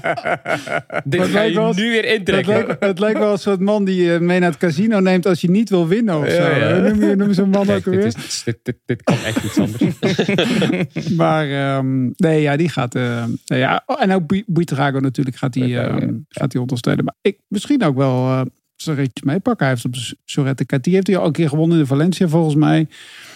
Maar dan moet het wel in een hele sterke kopgroep zijn. Het is wel echt een vrij buitensploeg. Die gaan niet voor een klassement. Ik bedoel, ik neem aan dat ze dat wel bij landen uit zijn hoofd hebben gepraat. En eh, die Colombiaan gaat het ook niet doen. Dus dat is wel een leuke ploeg. Bahrein. En die kunnen wel voor de rit gaan. Waarom zou Poels dan niet in de Vuelta ook een rit kunnen winnen? Als Ja. het in de Tour kwam. Zou een topjaar voor hem zijn. Eh, Danny van Poppel bij Bora. Je Koen, is dat... eh hij niet toch stiekem zelf sprinten als er al een kansje komt? Ja, ik vind van wel.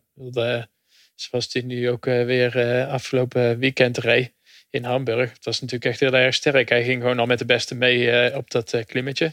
Op die Wazenberg. En dan ook nog eens een hele sterke sprint. Hij was eigenlijk gewoon de snelste, de sterkste van de sprinters. Dus hij zou eigenlijk gek zijn als hij het niet gaat proberen. En dan hebben we dus ook nog waarschijnlijk Marijn van den Berg. Jan heeft dat wel eh, verdiend. En vind je het ook echt dan meteen een kans hebben? Eh, ja, maar inderdaad, met, samen met eh, Van Poppel denk ik ook wel. eh, ik, ik, ik schat Van Poppel ook echt wel hoog in. Zeker in de etappes in de eerste week. Maar als het ook nog een beetje selectief is, dan kan hij ook goed overleven. Een klein groepje. Van den Berg vind ik ook heel sterk rijden ook. Van, al vanaf het begin van het jaar tot, tot aan de Ronde van Polen ongeveer.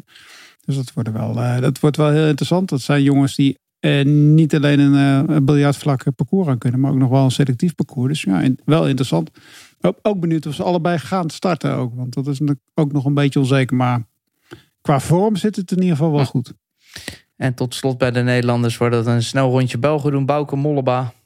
Koen. Is de, ja, wat, wat, welke etappes zien er lekker uit voor hem, denk je? Ja, er zijn natuurlijk eh, genoeg kansen. Er zijn best wel wat, eh wat, wedst- wat etappes die in een, eh, in, een groep, eh, in een kopgroep kunnen gaan eindigen. De overwinning van de kopgroep in ieder geval. Dus daar, eh, daar verwacht ik hem zeker in. Het is echt op en top professional. Hij, hij baalde van het missen van de Tour. Maar die heeft er echt weer op staan om, om heel goed te zijn in deze Vuelta. Dus ik weet zeker dat we Bouke gaan zien. En hij krijgt kansen genoeg. Hmm. Het is denk ik ook wel in, in, in de Giro hebben we het wel vaak gehad over de Bauke Mollema etappes. Ehm, waar dan uiteindelijk andere mannen in de vlucht kwamen. Maar hij zegt, vaak, hij zegt zelf heel vaak, ja, ik ben geen klimmer. Ik kan geen berg op aankomst staan. Maar ik denk dat hij bijvoorbeeld een dag als de krans as, als hij dan in de kopgroep had gezeten, dat, het wel, dat hij dan wel wat meer kans heeft. Misschien moet hij ook eens een keer. Gavalambre, wordt dat de dag, Jan? Van Bauke Nee, eh, nee, maar eh, kijk, Nee, nee, het is een omdat, vraag. Hè? omdat hij vaak zegt ook van ja, om die typische Bauke Mollema, dat, dat weet iedereen nu wel ook. Want dan, dan, dan zit iedereen ook wel een beetje naar hem te kijken ook. Misschien moet hij het eh, ja, een keer over een andere boeg gooien. Eh, Hij is, eh, wat op zich kan, ik vind het altijd zo grappig dat hij zegt, ja, maar kan helemaal niet klimmen. Ja, natuurlijk kan Bauke wel klimmen, toch? Ik bedoel, in een groepje met wat mindere renners is hij toch gewoon ook gewoon een, een goede klimmer. Ik bedoel, hij hoeft niet met, met, met, met Vingegaard en Evenepoel om de rit tegen te gaan strijden. Maar daarachter, het is maar een tip. maar ik, ben- ik ben net soms zo benieuwd. Hij zegt altijd stellig, ja, ik ben geen klimmer. Ja, hallo, als je een podium grote ronde hebt gereden, toch gewoon een klimmer? Dan kan je toch ook gewoon eh, de, op een berg op aankomst ook winnen. In een klein kopgroepje. Of zie je dat helemaal anders, Koen? Nee, ja, ik, ik, ik ben het helemaal met je eens. En ik denk dat hij dat zelf ook wel dat idee heeft hoor. Maar ik denk dat het voor hem misschien beter is om het op dit moment van zijn ervaring te hebben. En als het dan niet bergop is, dan, dan kan op elk moment eigenlijk de ontsnapping de juiste zijn. En, en dat is volgens mij waar Bouke nog sterker in is dan in het klimmen zelf. Gewoon echt het juiste moment kiezen om aan te vallen. En, uh, en dan solo naar, uh, naar de finish te rijden. En, en volgens mij wil hij dat juist graag. En goed, als, als het een klim is die niet al te lastig is, of, of een groep met iets mindere klimmers, dan heeft hij ook nog kans. Maar zijn allersterkste punt is volgens mij zijn ervaring op dit moment. Gaan we tot slot door, Jeroen, met de Belgen. We hebben het net al gehad over uh, Soudal Quickstep, Lotto Destiny. Wat verwacht je van die ploeg? Uh, ze hebben vrijbuiters. Ze hebben jonge Belgen die uh, debuteren, waaronder uh, en vooral ook Van Eetveld. Daar verwacht ik toch wel heel wat van. Van Lennart van Eetveld. Een talentvolle klimmer die dit jaar al won hè, als jonge gast. Vooral ook een punchtype. En we hebben wel een paar van die aankomsten waar hij zeker zijn ding kan doen in de vlucht bijvoorbeeld. Hè met sterke jongens. Zoals hè, als Mollema in de vlucht zit en Van Eetveld, die kan Mollema ook uh, met een goede dag kloppen bijvoorbeeld. Dus uh, Thomas de natuurlijk alweer uh, van de partij in de Vuelta. Milan Mente, sprinter. Ook een jonge Belg die debuteert in een grote ronde. Krijgt zijn vrije rol in de sprint. En we hebben geen topsprinters, dus wie weet kan Mente ook verrassen. En dat, dat zijn zo wat de Belgen waar we naar uit moeten kijken voor Lotto Destiny. De Plus bij Ineos? Ja, de Plus is nu de beste vriend geworden van Thomas. Hè. Pluski.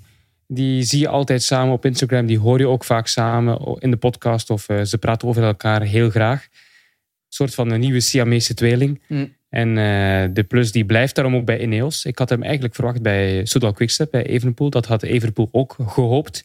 Maar hij blijft dus bij Ineos. Um, dat is de, het laatste nieuws daarover. Dus dat is wel uh, goed nieuws voor Thomas. Of voor wie er ook komt naar Ineos. Mm. Als kopman. Mm. Maar dus, ja. Nee, maar ja, de, de, de, de plus is meesterknecht. Ja, de plus is meesterknecht en die gaat dat weer he, heel goed doen. En we hebben wel nog een paar Belgen waar ik naar uitkijk, Sander. Stef Kras bij Total Energies. Die was goed op de Tour, maar viel weg door een valpartij. Gerbe Thijssen, sprinter voor Intermarché. Ook hij krijgt nu zijn kans voor het eerst op, op, het grote niveau. Maar waar ik vooral naar uitkijk is Kian Uitenbroeks dat is toch uh, de Belg, ja, naast Evenepoel natuurlijk, waar ik het meest naar uitkijk. Omdat hij al een goede goed jaar rijdt op World Tour niveau. Rittenkoersen top 10. En uh, Vlaasov is kopman bij Bora Hansgrohe. Hebben we nog niet eens vernoemd vandaag. Toch ook een kandidaat voor top 5. Zo, ja. En uh, Uitenbroeks die mag, een beetje alle Arendsman eigenlijk. Hij is nog wat jonger natuurlijk, maar uh, alle Arendsman mag je in de lute gewoon zelf proberen te ontdekken wat zijn grenzen zijn. Hij zelf zegt, ik heb geen druk, maar die leg ik mezelf genoeg op. Dus ik ga me niet laten uitzakken die eerste week om voor etappes te gaan. Ik wil echt proberen zo weinig mogelijk tijd te verliezen. Volgen, volgen en lossen. Dat is eigenlijk hetgeen hij gaat proberen te doen, zo laat mogelijk. En dan ziet hij wel waar hij uitkomt. Dat is, dat is, wat, dat is wat hij gaat proberen in zijn eerste grote ronde. Een uh, prachtig deelnemersveld.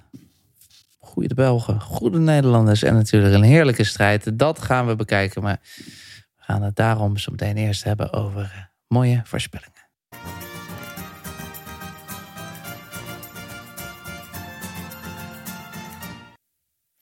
We gaan hem nog snel doornemen.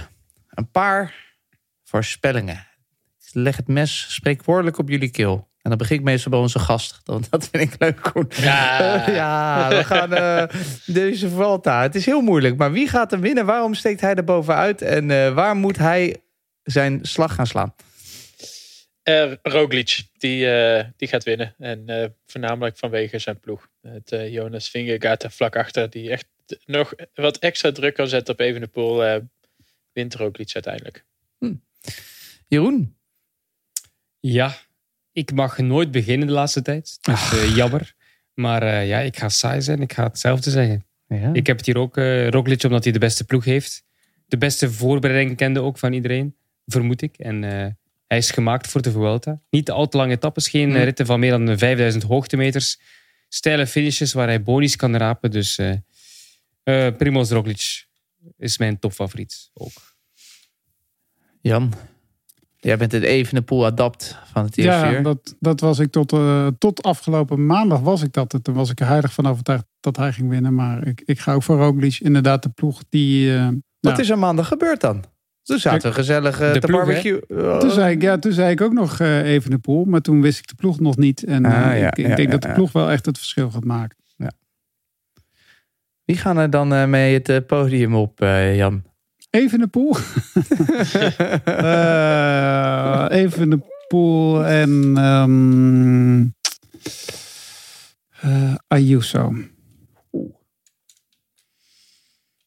Eh, Jeroen. Ik heb ze omgedraaid. Ayuso wordt tweede en Evenepoel derde. Mooi. En Koen? Ja, ik heb eh, precies hetzelfde opgeschreven als Jan. Even de pool tweede, Ayuso derde. Zo, geen, geen gekke verrassingen. Niemand die uitvalt, geen nare Wel, valpartij. eh, Jan, eh, wel eh, Sander, de ploeg van eh, de Bahrein Victorious is eigenlijk niet zo lang geleden bekendgemaakt. Ja, En Landa staat ertussen. ja. Ja, ja. Dus eh, hij heeft wel een meesterknecht eh, in deze Vuelta, Jan. Evenepoel. Ah, Ah, ah. Ja, dus eh, zijn ploeg wordt nog beter.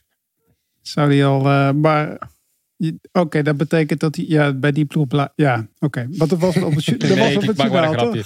Ik maak maar een grapje. Oké. Eh, maar ja, Een kijk, meesterknecht voor Van Wilder. Vol- Ja. Volgend jaar. We wachten nog steeds op die breaking eh, podcast. Dat eh, gaat me wat worden. Er is ook een bergtrui. Dat is natuurlijk lastig. Eh, jij bent de fan van de berg in eh, Spanje, Koen. Wat is eh, iemand Mag je die... weer als eerst hoor, Jan? Mag je weer als eerst? Nee, ik geef hem maar Nee, Koen. doe maar. Nee, nee, nee. Doe Nee, maar, nee. Koen. Nee, Koen, eh, Koen, Koen, doe maar. Ja. Ehm, ja, Ehm, dat, is een, dat is een goeie. Dat, eh, dan ga ik voor Ayuso. Het is eh, zoveel bergen, zoveel voor het klassement. Het wordt een klassementsrenner en eh, Ayuso die gaat dat dan toch nog meepakken. Hmm. Ik durf het bijna niet te zeggen, Jan? maar Jan. Ja, ik had ook nog een blokje Franse toptalenten. Daar, Ja. daar zijn we zo even voorbij gegaan. dus, dus gooi ik dat Franse toptalenten toch maar even in. Ik bedoel, hij heeft de afgelopen eh, week in de Limousin echt iedereen eh, gedegradeerd ongeveer. En eh, hij, gaat, eh, hij gaat met het mes tussen de tanden rijden. Gaat top 10 rijden, zelfs Romain Grégoire. En passant neemt hij ook nog een keer het eh, bergklassement mee. Het gaat niet gebeuren, maar het klinkt wel mooi. Het klinkt Oh, heerlijk. het kan, hij zegt net het gaat gebeuren het niet gebeuren. maar hij heeft deze aflevering al zes keer gezegd dat iets ging gebeuren. En daarna toch een klein beetje afgevlakt. Ja. Grégoire. Hij moet ook een beetje straks Grégoire. zijn rol overnemen. Ja, Grégoire. iemand moet het doen. Ja. Ah. Jeroen. Een- Ik ga voor eh, de Gier. Buitrago. Oh, oké. Wil je het puntenklassement wel als eerste? Oh, eh, ja, ik wou eerst vragen aan eh, Koen of hij nu al eens eh, de selectie van Trek wil meegeven aan Ja, ons. Hè? Live we- hier in Scoop. Ja, Want- wacht even. Want zo kunnen wij niet voorbeschouwen, Koen, als die ploeg van Trek, eh, of van Lidl Trek, excuseer, eh, nog niet zijn team heeft Geef me, bekendgemaakt. geef me een momentje. Daar is hij. Breaking news. Breaking, Breaking news. news. Breaking je news. hem? Komt bij. Van de berg. Eh, eh, ik heb hem wel. Moet ik even kijken hoor. Kijk, mo- mogen, oké, mogen we vier namen van de act? Eh, is er een, is er een embargo? Dit komt Die op kan de- ik ook wel noemen. nee, ja, ja, nee, nee eh, we hebben natuurlijk Mollema. Daar hadden we het al over gehad. Eh, Teuns, die eh, denk ik dat het ook nog wel eh meegegeven is. Eh, ik, eh, ik zie ook al een aantal renners staan op, eh, op de website van Pro Cycling Stats. Maar toch klopt die Ja, maar- lijst niet helemaal. Nee, want het, er Dus- staat nog geen veetje bij. Dus het, het Pedersen is nog niet komt ook. bevestigd. Pedersen Yes. komt ook. Nee, Nog mag een ik Nederlander erbij? vragen, Koen? Eén iets Eh, vragen. Koen eh, Ciccone, start hij of niet? Eh, eh, eh, ik, eh, ik denk dat hij eh, misschien ergens anders gaat rijden. Ah. Oké. Twee Nederlanders? Twee Nederlanders. Wacht even, dan, eh, dan moet ik toch weer heel eventjes gaan kijken. Nou, Tolhoek gaat niet starten, denk ik, Jan. Niet de naam Eh. noemen. Anders zegt hij- Oh, je, hebt, oh, je hebt ook nog Holen. hè? Ja? Ja, we hebben ook nog Holen. Maar Ja, die eh, ja, die heeft natuurlijk al een eh, lastig Hmm. jaar gehad. Het, eh, ik denk dat het één Nederlander zal worden. Hmm. Oké, dan weten we toch al wat. eh. maar om, voor mijn groene trui maakt het eigenlijk niet veel uit. ik had niet Ed- Edward Teuns gehokt. Ehm, ja, weet je, je hebt maar vier sprinters zitten. Hè? En weet je, je hebt geen topsprinter hier. Welke ploegen gaan die koersen controleren? Dat wordt echt een moeilijk verhaal. Kijk, als het een sprinter is, Molano van En als het geen sprinter is, Roglic. Oké. De groene trui. Ja. Koen? Eh, ja, het, eh, zeg het maar gewoon. het, het Teuns. ja, je Nee, moet toch het een wordt, beetje eh, supporten. Ja, nee, dat, dat is zeker. Dat is zeker. Maar helaas eh, wordt, het, wordt het geen eh, sprinter. De beste sprinter die gaat de, de puntentrui niet pakken. Daarvoor zijn er gewoon simpelweg niet genoeg sprints.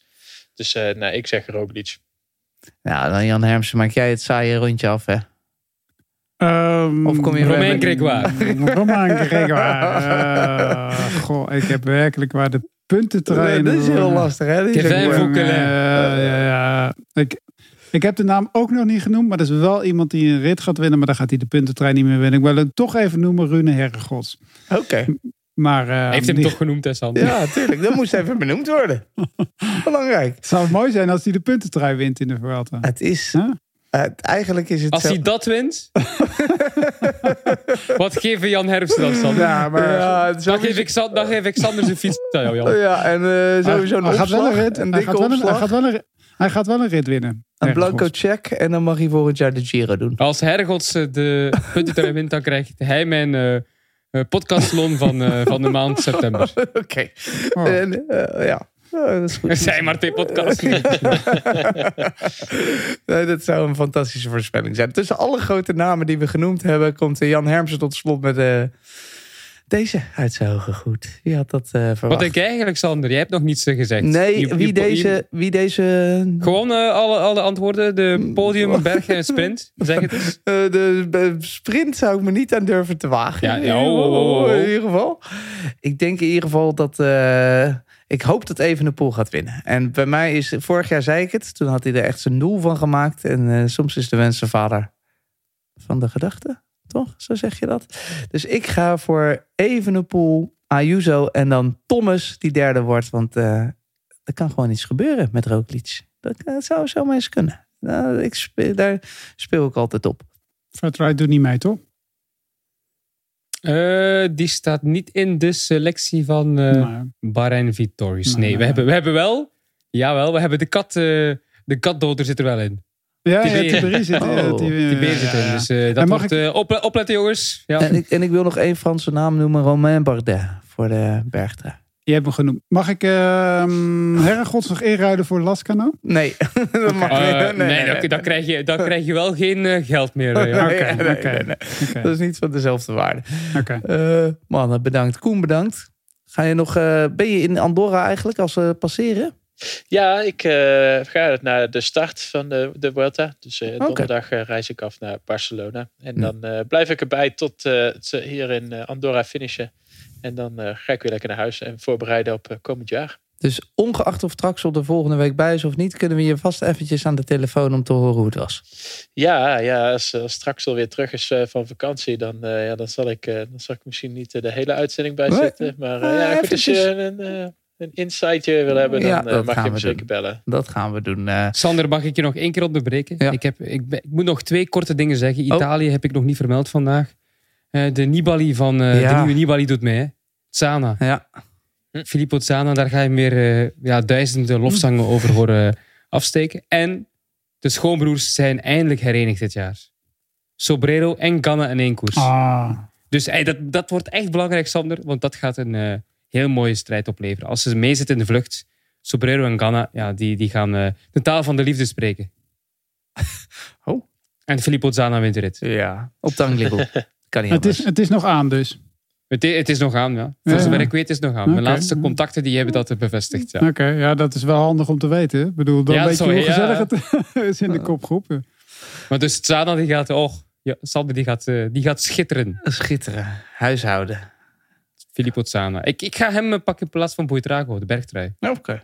Gewoon Te laat. Ja, Te laat. ja. Te laat. Nee, mag nu, mag nu nog. Eh, dat gaan we dan meemaken, Jeroen. Vanaf zaterdag, de 26e. Dan begint de Vuelta met een avondrit, half zeven. Donderdag al de presentatie op Jeroen eh, digital. Op Digital, op Discovery Plus. Zitten Jeroen en Karsten dan ook voor me klaar? Eh, zeker vanaf eh, donderdag en zaterdag ook opnieuw. Ah, heerlijk. En dan zondag en maandag, dan zijn ze er rond half drie. Dan zijn wij er weer op de dinsdag, als je er nog niet genoeg van gaat. Wie weet met Bobby Traxel. In ieder geval met Jeroen en Jan en hopelijk ook met Koen. Ik zou zeggen, geniet van de Vuelta. Tot volgende week. Deze podcast werd mede mogelijk gemaakt door bedcity.nl.